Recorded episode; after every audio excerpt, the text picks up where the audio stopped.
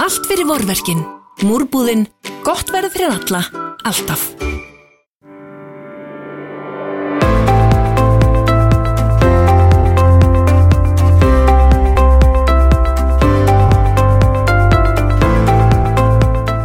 Ellefu frambóð verða á kjörsælunum í komandi borgarstjórnarkostningum. Í hlaðvarpi kjarnans fá kjósundur að heyra um stefnuflokkana með orðum oddvitarna.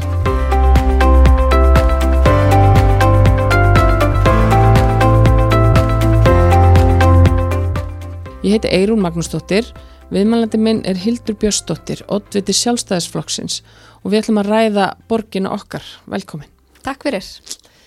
Sjálfstæðisflokkurinn hefur kynnt áherslu sínar og þið kynni þær undir heitinu Reykjavík sem virkar Mhm. og þá kannski liggur beint við að spyrja hvað er það við Reykjavík sem ekki virkar? Já, það er auðvitað eitt og annað. Við erum að leggja svona kannski höfuð áherslu á til að mynda samgöngumálinn og þar teljum við og bara blasir við held ég hverju meinasta af aðila sem ferðast hér um borgina að samgöngukerfið okkar í heild er ekki alveg að virka nægilega vel. Við erum líka að tala um húsnæðismálinn, þar er húsnæðismarkaðurinn, hann er ekki að virka og það eru auðvitað allskins ástæður fyrir því en ein, eitt stór vegamikill þáttur er á ábyrð, ábyrð borgarinnar og það er þá annars vegar lóðaskortur og hins vegar þungt og ósveginlegt kerfi. E, leikskólamálinn, þau eru ekki að virka nægilega vel fyrir fjölskyldur í borginni. Og við viljum skapa fjölskylduvætni borg þannig að þetta eru svona kannski þrjú stóru málinn en svo má oft eru sko oft skinnja maður að litlu málinn eru líka stóru málinn og það sem að manni finnst ekki hafa virka nægilega vel eru, eru svona hlutur eins og snjóruðningur í vetur gödusópuna voru, bara borginn sé hýrt að ruslið sé tekið allir þessi hlutir sem við finnum fyrir í daglegu amstri og eru svolítið svona andlitið á borginni, hvernig borgin okkar er hýrt er svona sjálfsverðing borgarinnar og okkur finnst það ekki hafa hérna gengið nægilega vel. Að þetta er svona svo ég svona, tæpi rætt á, á hérna, stórum málum, þá er þetta svona það helsta sem við bendum á sem er ekki að virka Eh, Kannski byrjum aðeins á uh, húsnæðismálun. mm -hmm. Uh, þið talið um að þið vilja fara í kröftu að húsnæðis uppbyggingu. Hvaða, hvað svona eigið þið helst við með því?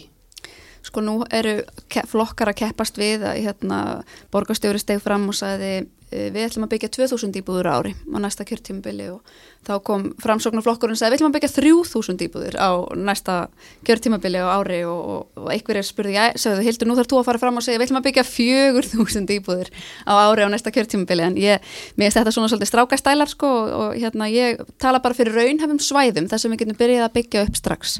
Og það er stefna okkar sjálfstæðismanna og við erum að tala fyrir því annars vegar að þétta byggð innan hverfa sem hafa til þess svörum uh, okkur finnst þéttingastefnan hafa verið svolítið skökk á síðustu árum. Það hefur svona grunn hugsunin á bakvið það að þétta byggð eru þetta að byggja það sem innviðir geta tekið á móti meira fólki að nýta bara hrákvæmni í því, nýta innviðina betur.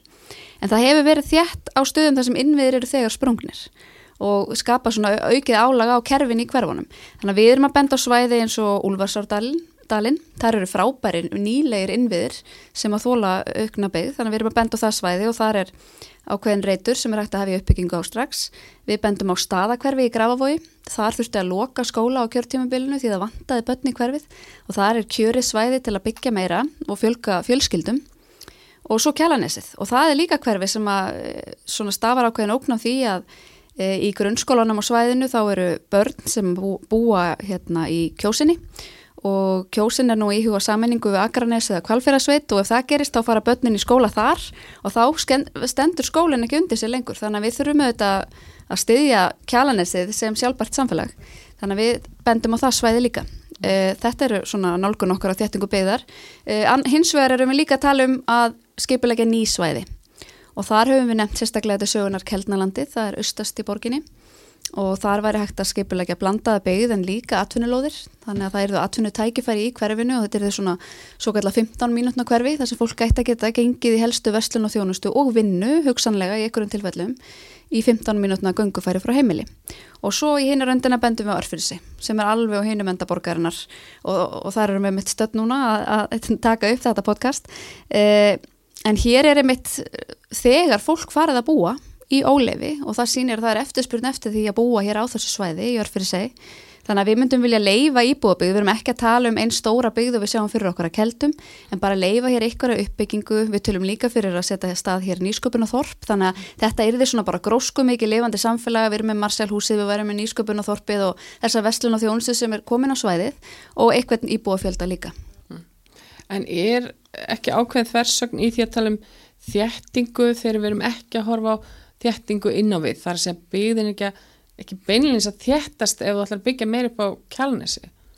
Jú, við erum að tala um í rauninni að, sko, að þjætta byggðina þar sem hún er, að byggja meira í hverfunum sem þegar eru til, mm -hmm. til að ebla þau enn frekar og það er fólk sem býr á kjalanesi og, og hérna reykur sína fjölskyldu þar og er með börn í skólanum þar og þau auðvitað óttast um framtíð skólans og framtíð svæðisins og okkur finnst eðlilegt að, að styðja við þá uppbyggingu að þess, þetta hverfi geti verið sjálfbært og einhvers konar 15 mínúta hverfi líka eins og önnur. Þannig að það er sko ákveðin miskilingur í umræðinu um þéttingu byggðar eins og það sé bara til ein leið til að þétta byggð. Og hverki í heiminum sjáum við raunar gengið svo langt í þéttingu eins og í Reykjavík. Þetta er alveg svona ákveði hérna, einstæmi svona þessi, þetta, hvað ég segja, þéttingamagn sem er í gangi hér í Reykjavík. Og það er hægt að innlega þessa stefnu með mjög margvíslegum hætti. Og hún er auðvitað sannlega mjög góð, það er mjög skynnsamlegt að þetta byggð og við sem erum hægri menn og, og hérna, tölum fyrir hagkvæmni og allir þessu, auðvitað, þetta er bara músiki okkar eirum að þetta, en það verður að passa að gangi ekki svo nærri íbúinum sem eru fyrir og umhverfinu að, að hérna, hverfin hægt að ganga upp og ef ég á nefna dæmi hvar þéttingin hefur gengi langt, kannski ekki síst vegna þess að innviðir hafi ekki fyllt með. Það getur verið eins og Vestubærin eða Laugadalurinn. Þetta eru stór og barnmörg hverfi. Leikskólavandin er hvergi starri í allri borginni heldur en nákvæmlega á þessum stöðum. Byðlistar eftir frístund eru hvergi lengri en nákvæmlega í þessum hverfum og þetta eru þau tvö hverfi sem að búa við hvað vestan kost þegar kemur að íþróttamannverkjum og, og aðstöðu fyrir íþróttaiðkun barna. Eh, en endalust er byggt þarna fyrir fjölskyldur og reynda fjölga íbúum og ég glemdi reyndar að nefna á skólanir eru líka sprungnir. Þannig að hérna, það er sagt, byggt og innviðinni fylgir ekki með. Þannig að ef það á þetta í þessum hverfum þá þarf að tryggja innviðina fyrst. Þannig að það er það sem hefur vantað upp á. Uh, En talandu um skólana og, og leikskólana kannski sérstaklega mm -hmm. það hefur verið mikið umræðinu fyrir þessar kostningar um, þið viljið tryggja öllum leikskólapláss frá 12 mánuða mm -hmm. og bjóða svo kallar fóreldrastyrki mm -hmm. uh, fyrir þá sem vilja vera heima með, með börn sín mm -hmm. uh, af hverju fariði viljiði þessa leið? Uh, við tölum fyrir valfrælsi og við skiljum að fólk er ekki allt eins og hefur margvíslegar þarfir það er algjört forgangsmál hjá okkur að leysa leikskólavandan og að tryggja að brúa í rauninni bylið frá fæðingarólofi til leikskóla. Þannig að fólk sem ætlar að vinnumarkað eftir fæðingarólof geti treyst í að það fái leikskólaplásin í borginni. Og þetta er algjört forgangsmál og þetta er risamál. Og ég er ekki að segja að það sé einfalt að leysa það en það verður að gera það. Og það er líka stærðarinnar jafnbreytismál Eh, en það sem ég hef lært og, og ég var til dæmis einu sinni eh, mjög mótfallin svona hérna þóraldrastyrk eins og við erum að tala fyrir núna en nú er ég búin að vera í pólitík í fjögur ár og þegar maður er í þessu umhverfi þá maður tala við svo mikið af fólki og maður er að rýna svo mikið af gögnum og ég er bara skiptið aðeins um skoðun mm. og ég bara kynst ég líka á sem bandegna aldrei og svo mikið af fólki kringum mig og ég bara átta mig ennfrekar á hvað fólk er ólíkt og hefur ólíkar þarfir. Og hvað margir í kringum við myndu kannski vilja bara tvo auka mánuði heima. Fólk er með ólíka hugmyndafræði í sínu barna uppeldi sem er trúaði bara og vilja fylgja því eftir að það sé best fyrir börn að vera heima í tvu ár, ég lifi ekki eftir því sjálf en það er fólk sem gerir það og, og, og mér finnst hérna, engin ástæða til að einhvern veginn þvinga þau inn í umhverfi þar sem barnið er að þarf að fara á leikskóla tólmánaða e, við tölum um að þessi fjárað getur verið 200.000 krónur á mánuði það eru þetta hérna, algjör málamynda fjárhæð og, og, og ég held að þetta sé engin að því að sem er óttast að svona laga geti verið eitthvað skonar gildra, hverna gildra og konur festist heima en þetta er nú ekki þannig fjárhæð, ég hef nú meiri trú á konum en svo að það er hérna ef þær hafi metnað og vilji fara aftur inn á vinnumarkað og vinna sig upp að það, þá láta þær nú vantanlega ekki festa sig heima fyrir 200 krónur á mánuði. Mm. Þannig að þetta er meira bara sveianleiki fyrir fjölskyldur. Eh, ég hef líka vilja kalla þetta bara byðlista bætur af því að það verður líka horfast auðvið við það að það er ekki verið að tryggja börnum þessi plás. Þannig að fólk er jafnvel gegn vilja sínum fast heima. Þannig að mér finnst líka sjálfsagt að þeim sé bætt svo staða upp að ykkur leiti. Mm. En er þörfa á þessu ef að ykkur tekst að eða bygglistum eins og við viljið gera? Það verður það sem verður svo fróðilegt að sjá hvað er það sem fólk vil. Mm. því það eru ekki allir sem óskaðis helst að koma barninu sínu inn á leikskóla tólmána þó það sé það sem ég myndi vilja persónulega í mínu lífi og það myndi henda mér en við erum bara svo ólík. Og það er það sem kerfið verður í raun að breyðast því að þarfinnar eru markbreytilegar og fólk er alls konar og það vill ekki allt sömu hlutina og hefur ólíka nálgun á batna uppeldi og hvað er best fyrir þeirra börn. Og mér finnst sjálfsagt að mæta því. Hafið metið kostnaðin við þetta? Já, það er að minnstakosti ef við horfum á þetta bara út frá kerfinu þá er ódýrara í rauninni ef að fólk velur þessa laust, þetta er ódýrara laust en að taka móti 12 mánuða batna á leikskóla þannig að það kostar held ég ríflega 300.000 krónur á mánuði fyrir borgin að taka móti 12 mánuða batna á leikskóla þannig að Já. E, Þið eins og auðvitað margir aðrir talið líka mikið um fjárhag borgarinnar, mm -hmm. þetta er auðvitað risastórt batteri uh, og, og þið segist vilja hagraða og minka yfirbygginguna. Mm -hmm. Hafið þið útfært þær hugmyndir nánar? Borgarkerfið eru þetta orðið alveg svakalega stort og ég e, vil eiginlega varast það sem að sumistjórnmálumann gera að láta eins og þeir viti allt og þegar þú ert að horfa á svona mörg þúsund manna vinnustad að þá er algjörlega útlokað fyrir stjórnmálamann að vita nákvæmlega í hvaða einasta skúm og skoti væri skynsanlegast að taka til. Þannig að það sem við myndum vilja gera bara á fyrsta degi væri að láta framkama stjórnkerfis og fjármála úttekt á borginni þar sem við leitum svona þessara takkifæra hvar er svigrum til að hagraða og taka til og minga yfirbygginguna. En loka markmiði væri auðvitað að ná fram í rauninni bara betri nýtingu á skattfið, að við séum í rauninni að að tryggja að það sé ekki sóun í kerfinu og líka bara kerfið sé ekki að þvælast fyrir. Við sjáum það að kerfið er oft mjög þungt í vöfum og það er að reynast mörgum hindrun bara þeim sem eru að byggja upp eða ef við tölum um veitingamenn sem eru að opna veitingarstaði eitthvað slíkt að þá er kerfið hindrun og það er eitthvað sem að þarf að breyðast við og einfalda. Þannig að það er á nógu að taka þarna. Já, það er eflust af nógu að taka. Uh, aðeins varðandi, ef við förum, höldum aðeins áfram með, við vorum að tala um húsnæði náðan mm -hmm. og mhm. bara varðandi e, samgöngur sem eru þetta eitt af stóru málunum mm -hmm. uh, og þið hafið talað fyrir fjölþættum lausnum uh, en það er kannski svolítið óskýrt hvað ætlið bara að gera alls konar? Já, Við skiljum að samgönguvandin sem blasir við okkur öllum í borginni verður ekkert laustur með einhverju einni töfralaust. Hann verður laustur með fjölþættum lausnum og við byggjum upp heilstætt samgöngukerfi með fjölbreyttum faramátum.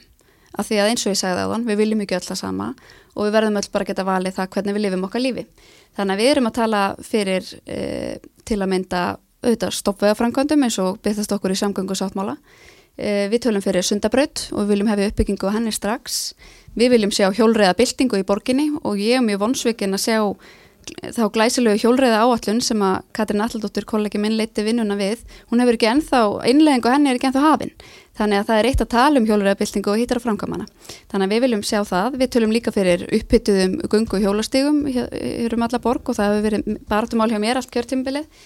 E, snjalla ljósastýringar um alla borg og svo stórbættar almenningssangungur.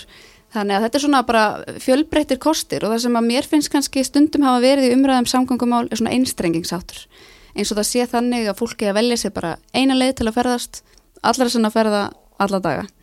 Eh, ef ég lýsi bara vennilegum degi í mínu lífi, þá getur það verið þannig, ég er nú svo heppin að ég býsa mig að næri vinnunum minni Þannig ég geti kannski gengið til vinnu á mótni og svo tekið hlaupahjóla og fund og kannski leiðubíl heim og svo fær ég á bílnum að skuttla börnunum og útrétta og kannski eitthvað hérna í strætum umkvöldið sko. Þannig að maður er jafnvel að nota marga ólíka faramáta á einum degi. Það er svona meira, meira flex í framtíðinni finnst mér. Þannig að við þurfum aðeins að rýsa upp á skotgröfunum í þessum samgöngumálum og búa bara til hérna þjættriðin þetta fjölbreyttum samgöngum sem saman mynda svona heilstætt kerfi. Bara fjölbreyttar greiða lausnir og svo fær fólk að velja.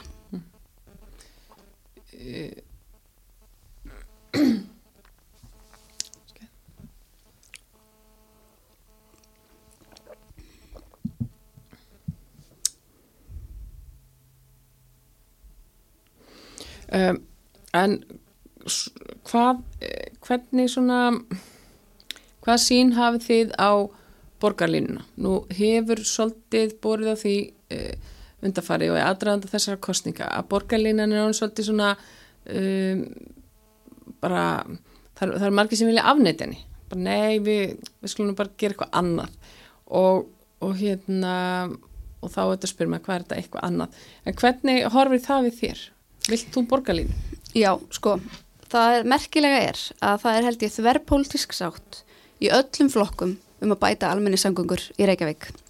Það viljaði allir. E, borgarlínu verkefnið hefur kannski orðið einhverju leiti bara samheiti við bættar almennissangungur og það sem ég held að allir vilji eru fleiri fórgangsagreinar og tíðari ferðir og betri byðskili og, og hérna einhverju leiti má segja að, að borgarlína sé eitthvað yfirheiti yfir það en það eru ákveðinir óvissu þættir í þessu verkefni sem að annars vegar hægri menn eins og ég og við sjálfstæðismenn hafa ágjur af. Annars vegar sjáum við í samgöngusáttmála sem er hljóður upp á 120 miljardar að það er ennþá óvisa um 60 miljardar á fjármögnun á verkefninu. Þannig að við höfum ágjörðu því. Það er ákveður raukt flagg fyrir okkur. Og þá eftir að útfæra og með ákveðinu lögjöf hvernig á að ná inn því fjö sem þarf til að fjármagna þetta allt saman og hinn þátturinn er reksturinn. Við höfum ágjörðu af því hvernig á að reyka þetta. Það hefur ekki verið kynnt rekstrar áallun uh, við vitum ekki ennþá hvort að ríkið munu koma með einhverjum hætti inn í reksturinn. Þannig að við erum svolítið hrætt við að það verið byggt upp eitthvað kerfi, það er ekki búið að ákveða hver á að borga það, hvernig á að reyka það eða hvernig verið staðað reksturinnum. Þannig þetta er bara svona líkilspurningar. Ég man ég fór í podcast hjá kjarnanum fyrir fjórum árum, fyrir kostningar og ég viðræði nákvæmlega sem áhugjur og ég er ekki ennþá komið með svörin fjórum árum síðar. Þannig að það veldur manni auðvitað áhugjum. E, svo er það auðvitað líka bara spurning með einhver útvarslatriði og það er oft bara viðfangsefni fyrir verkfræðinga eitthvað slíkt en við teljum að það sé alveg hægt að byggja hérna upp framúrskarandi, nútímalegar, glæsilegar almenningssangöngur sem við getum verið stolt af án þess einhvern veginn að skapa með eitthvað stríðsástand og það er alveg hægt að vera hérna með öflugur almenningssangöngur án þess til dæmis að taka agrinur og almennur umferð sem er svona eitthvað sem stuðar fólk og er ekki til þess fallega að skapa sátt Það er mér fyrir svolítið eftirsóknarvert að leysa samgönguvandan með þessum fjölbreyttu lausnum án þess að um það þurfi að verða svona mikið moldveðri og, og, hérna, og ósætti. Mm. Ég held að sé alveg tækifæri í því. En það er nú ákveð ósætti bara innan þins flokks. Um, maður skoðar listan, þeir sem eru hann efst í efstu frambjöðundur hjá sjálfstæðsflokknum eru uh, alls ekki sammála um, um hvernig samgöngur í Reykjavík og skipulag á að þróast. Telur þau að þú getur, að þið getur náð einhverju niðurstu, að það verði einhver, einhver sátt um um sín á, á bara það hvernig Reykjavík á að byggjast upp? Við höfum náðu lendingu á þá sín og það er svo sín sem við kynnum í okkar málefna stefnu og þegar það kemur á samgöngum þá hefur það alltaf verið sín sjálfstæðismanna að tryggja frelsu og val og frjálsa valkosti og við höfum samanist um þessa kosti sem við kynnum til leiks að við viljum, að því við erum sérstaklega að tala um almennissangungur, við erum mjög metnaðfull fyrir uppbyggingu betri almennissangungun á höfuborgarsvæðinu.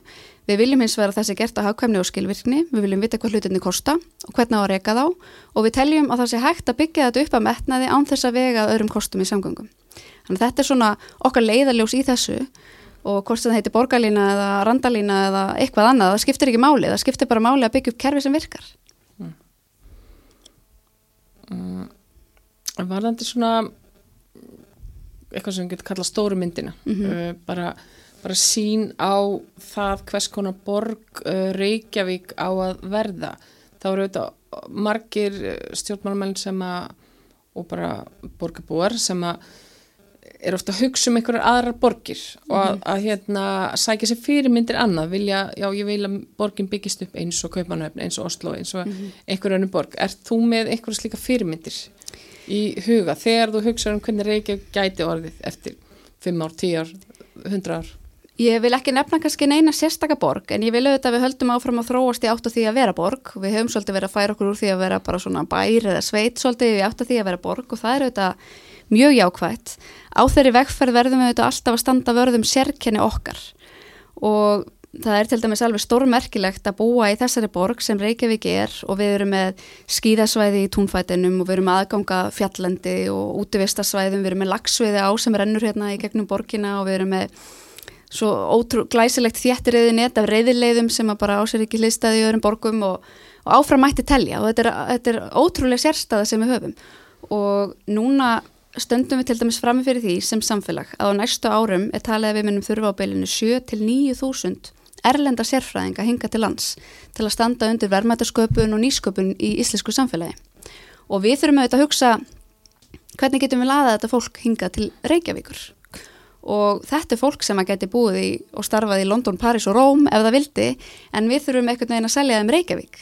Og þarna kemur inn ákveðin sérstaða sem ég nefndi á þann og við þurfum að standa vörðum hana og gæta aðinni og ganga ekki á hana. E, og ofta hafa verið uppi ykkur hugmyndur um slíkt og það þarf bara alveg að slá skjaldborg um nákvæmlega þessa þætti. E, við þurfum líka í þessu samhengi þá þurfum við, maður hugsa, hvað getur þetta fólk annað vil, viljað, annað en þessa, þessa sérstöðu, það ájafil börn og það vil koma börnunum sínum í skóla þannig að við þurfum að hafa hér alþjóðlegar dildir og það er nú bara eitt skóli í dag sem er með alþjóðlega dild í grunnskóla og það er landakottskóli sem er sjálfstætt starfandi þannig að það þarf auðvitað að styðja myndalega við hann og hann er einmitt þarna í næsta nákvæmni við örf fyrir seg þar sem við tölum fyrir því að, að hérna, setja upp svo kallar nýsköpunathorp þar sem þessi fyrirtæki gætu þá fundið sér aðsetur Þannig að það þarf að hugsa þetta svona svolítið heilstætt og við erum auðvitað ekki bara að hugsa um erlenda sérfræðinga, við erum að hugsa um okkar eigin íbúa og fólki sem býr hérna og unga fólki okkar sem fer kannski náma erlendis og við viljum laða þau aftur heim. Og til þess að skapa þetta spennandi umhverfi þá þurfum við eins og ég segja að hafa alla þessa sérstöðu, við þurfum að hafa lifandi menningalíf, það er líka eitthvað sem skiptir fólk máli, það getur komið hérna og, og notið menningar og lista, við þurfum að hafa öflugt skólakerfi. Og ég held að smæð okkar samfélags sé svo kjöri tækifæri fyrir okkur til að vera framúrskarandi. Við erum sem þjóð framúrskarandi á mjög mörgum sviðum. Þannig að það er eitt, við þurfum að hafa fjölbreyta kosti í samgöngum líka. Við þurfum að hafa spennandi miðborg, við þurfum að hafa fjölbreyta húsnæðiskosti og svo atvinnutækifæri. Þannig að það er í ótrúlega mörg hotna líta en, en stóra myndin eru þetta bara að maður vil skapa lifandi höfuborg sem er borgar samfélag, græn og lifandi þar sem fólk getur svolítið bara að leita hamingunar á sínum eigin fórsöndum. Það er ekki verið að tróða fólki í eitthvað boks og stundum er, ég tek ofta eftir svona ágreiningi millir fólk sem býr annars verið Grafavogi og hins verið Vestubæ og ég sé stundum að þetta fólk er að atast út í hvort annað íbúasíðum. Og mér finnst þetta alltaf svo skrítið að því að, að ég tala fyrir frelsi og vali og, og ef maður ætlar að tala fyrir því þá þarf maður óhjókvæmilega líka að vera mjög umbröðalindur og maður þarf að hafa umbröðalindi fyrir valkostum annara þó þeir séu aðrir en manns eigin. Og mér finnst bara stórkostlegt að hverfin hér í borginni séu og fáum áfram að vera mjög fjölbreytt og ólík. Að því þannig er fólk og fólk verður að fá að geta valið úr þessum ólíku hverfum og þeim lífstíl sem að í þeim þrýfst eftir bara því hvernig lífið það sjálft vil lifa. Og hérna ég bjóð nú sjálf, sjálf í London í nokkur ár og tek, tek það nú stundu sem dæmi í þessu samengi að þar eru borginni skipt niður í um 30 borgar hluta og þeir eru alveg svakalega ólíkir innbyrðis. Og þú ferðar, ferðast kannski alveg frá vestri og til austurs og það er bara eins og þú hafið ferðast mellir landa. Að, og það gerir borginna svo spennandi þannig að það er bara stórkoslegt að leifa þessum hverfum áfram að vera að hafa sína sérstöðu og fá að þróast áfram þannig og að vera ekki aðast út í fólk fyrir að vera einhvern veginn öðruvís en maður sjálfur eða velja eitthvað annað það gerir bara borginna fjölbreytta og mikið skemmtilegri mm. En þú talar um umbyrjulendi, við, við getum samt ekki sínt uh, mengun og svifriki umbyrjulendi. Sannlega ekki. Heldur uh, hlýtur að vera þannig að allir vilji samanustu um að reyna að minka þá, minka mengun innan, innan borgamarkana. Uh, hvernig þið fyrir ykkar samgöngustefna geti uh, og uppbyggingastefna geti stuðla að því? Mm -hmm. e, það er auðvitað óhjákvæmilegur fylgifiskur frelsisins líka, það er alltaf, fylgir alltaf svo fyrirvari að þú sért ekki að valda öðrum ekkur tjóni með þínu frelsi. Og það er eitthvað sem við þurfum að taka stáfi og það er bara reynd hérna, lofsla og ég mann fyrir síðustu kostningar var eitt stærsta málið á svifriksmengunum í borginu, hún var svo mikið til umfyllinu þá. Eh, við þurfum að styðja bara vel við vistvæna faramáta og þá erum við þetta að tala um eins og bara þá sem að kjósa að ganga eða hjóla eða nota almenningssangungur og við tölum líka mikið fyrir því að borgarkverfin verði svo kvöldu 15 minúta hverfi þannig að fólk geti gengið í helstu vestlun og þjónustu og helstu vinnu líka í 15 minúta gungufæri frá heimili. Og þá erum við svolítið búin að draga úr hérna, e, þessum mengandi samgöngum. E, við viljum líka hraða orkusskiptum í samgöngum og það skiptir máli upp á útblásturinn að gera og það er þannig í dag að það er ekki alveg nægilega gott aðgengi að hlæðslustöðum í borgarlandinu og ekki síst hraðhlæðslum og þarna getur borgin uh, stutt betur við og ekki þá alltaf engungum með því að hleypa sínu prívat fyrirtæki eða sínu fyrirtæki í sinni eigu að borgarlandinu til að byggja upp sína hlæðslustöðar heldur líka með því að hleypa aðilum á hennum frálsamarkaði líka að því að koma sínum hlæðslustöðum upp í borgarlandinu og skapa svona meiri samkeppni, þannig að það er hérna, liður í þessu.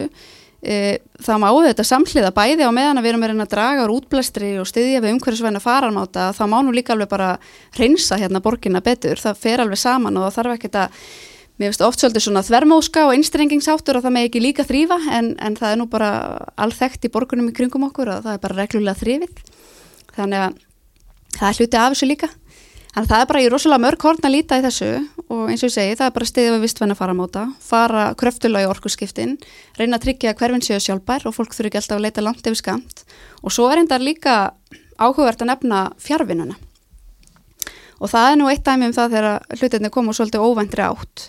Og við áttum nú ekki vona á því hérna, fyrir kannski fjórum varum síðan að við erum núna að ræða algjörlega nýja breytu í samgöngumálum sem væri fjárvinna og við sáum það öll í COVID þegar fólk var að vinna meira heima hvað létti svakalöfumferðinni og það var auðvitað ástand sem að eh, verður, mun aldrei verða eins, það voru svo margir að vinna heima. En til að mynda á kjörtímabilinu þessu þá gaf, sam, samtökuðinarins út skýslu sem að töluðu fyrir því að ef að hægt væri að draga úr umferð um 15% þá myndi það geta skila samfélaginu 80 miljardar ábata.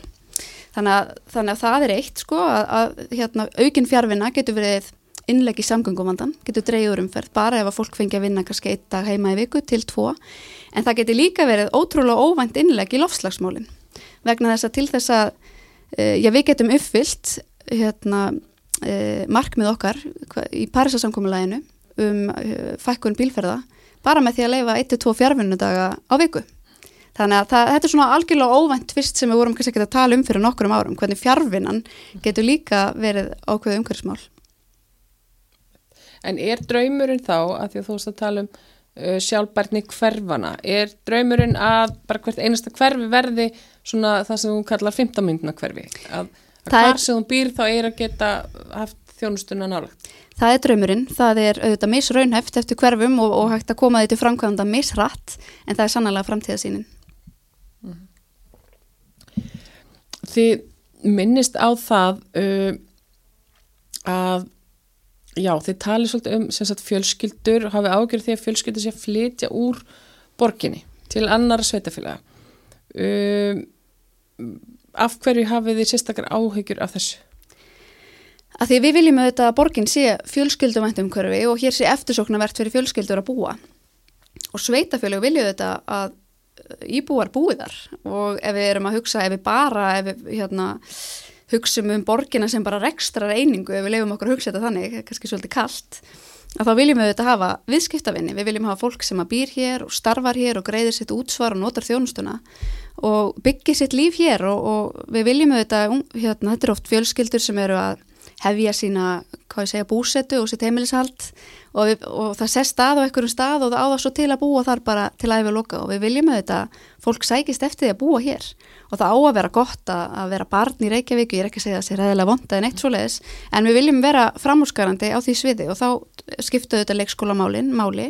Við viljum líka mæta þörfum þeirra sem að vilja kannski vera aðeins lengur heima eftir orlof. Eh, við tölum auðvitað líka fyrir auknum stuðningi við dagforeldrakerfi því það er Það eru valkostir. Eh, við viljum líka hækka frístundakortið og höfum talað um að hækka það upp í 70.000 krónur og líka e, hérna, að það takir gildi frá 5 ára aldri. Í dag fá börn það við 6 ára aldur. E, við tölum líka fyrir viðhaldsáttaki á öllum leiks, leiksvæðum hérna í borginni og það er nú svona, ef maður fyrir til Norðurlandana eða víða í Evrópu eða hvar sem er í heiminum þá eru svo glæsilegi leikvellir og það er svona partur af því að skapa líka fjölskylduvænt samfélag að þú getur verið víða um borgina með, og umhverfið allt tekur vel á móti börnum. Þannig að það er bara margt sem við sjáum fyrir okkur í þessum öfnum en það skiptur okkur máli að fólk með börn vilji bú í Reykjavík e, og ef að börn alast upp í borginni og líður vel og finna að borgin umvöfur þau og tekur vel á móti þeim þá munir þau vilja byggja sína æfi líka hér í Reykjavík. Ef að e, þú kemist í meiri hluta, hvað væri það fyrsta sem þú myndi gera? Sko, alveg frá því ég var í frambóði fyrst fyrir fjórum árum að þá hef ég verið e, rosalega upptekinn að leikskólamálunum og mér langar alveg svakalega mikið að leysa þann vanda. Og ég hef alltaf sagt ég er ekki að segja að það verði einfalt og ég er ekki að segja að það sé ykkur einn töfra lausn og maður veif ykkur um sprota og þetta verði allt komið í lag. En ég held á fyrsta degi þá myndi ég byrja á að bara brettu bermar og vinnaða lausn þess vanda getur sjálfstæðsflokkurinn unnið með hverju sem er í borginni? Við göngum algjörlega óbundindi kostninga og ætlum bara að sjá hvað kemur upp á kjörkvæsunum og, og mæta þeirri niðurstöðu en draumurinn væri alltaf að ná að mynda meira hluta um breytingar að mynda meira hluta með flokkum sem eru reyðbúinur að gangast við því að hér er eitt og annað í ólægi og við þurfum að laga það. Ertu bjart sín? Ég er alltaf bjart sín, ég er rosalega bjart sínis manneski að eðlisfari, þannig að ég er bara spennt og, og full tilökunar fyrir framhaldinu. Það eru tvær vikur til kostninga þegar við tökum þetta upp, ég veit ekki hvernig þetta fyrir byrtingu en, en hérna og það eru nú svona mikilvægustu vikurnar almennt í barátunni, þannig að það er bara mikið prógram framundan og ég hlakka svakalega til að hitta allt fólkið og eiga samtalið og, og svo bara mætum við örlugum okkar 14. mæ. Takk hérlega fyrir að koma. Takk fyrir mig.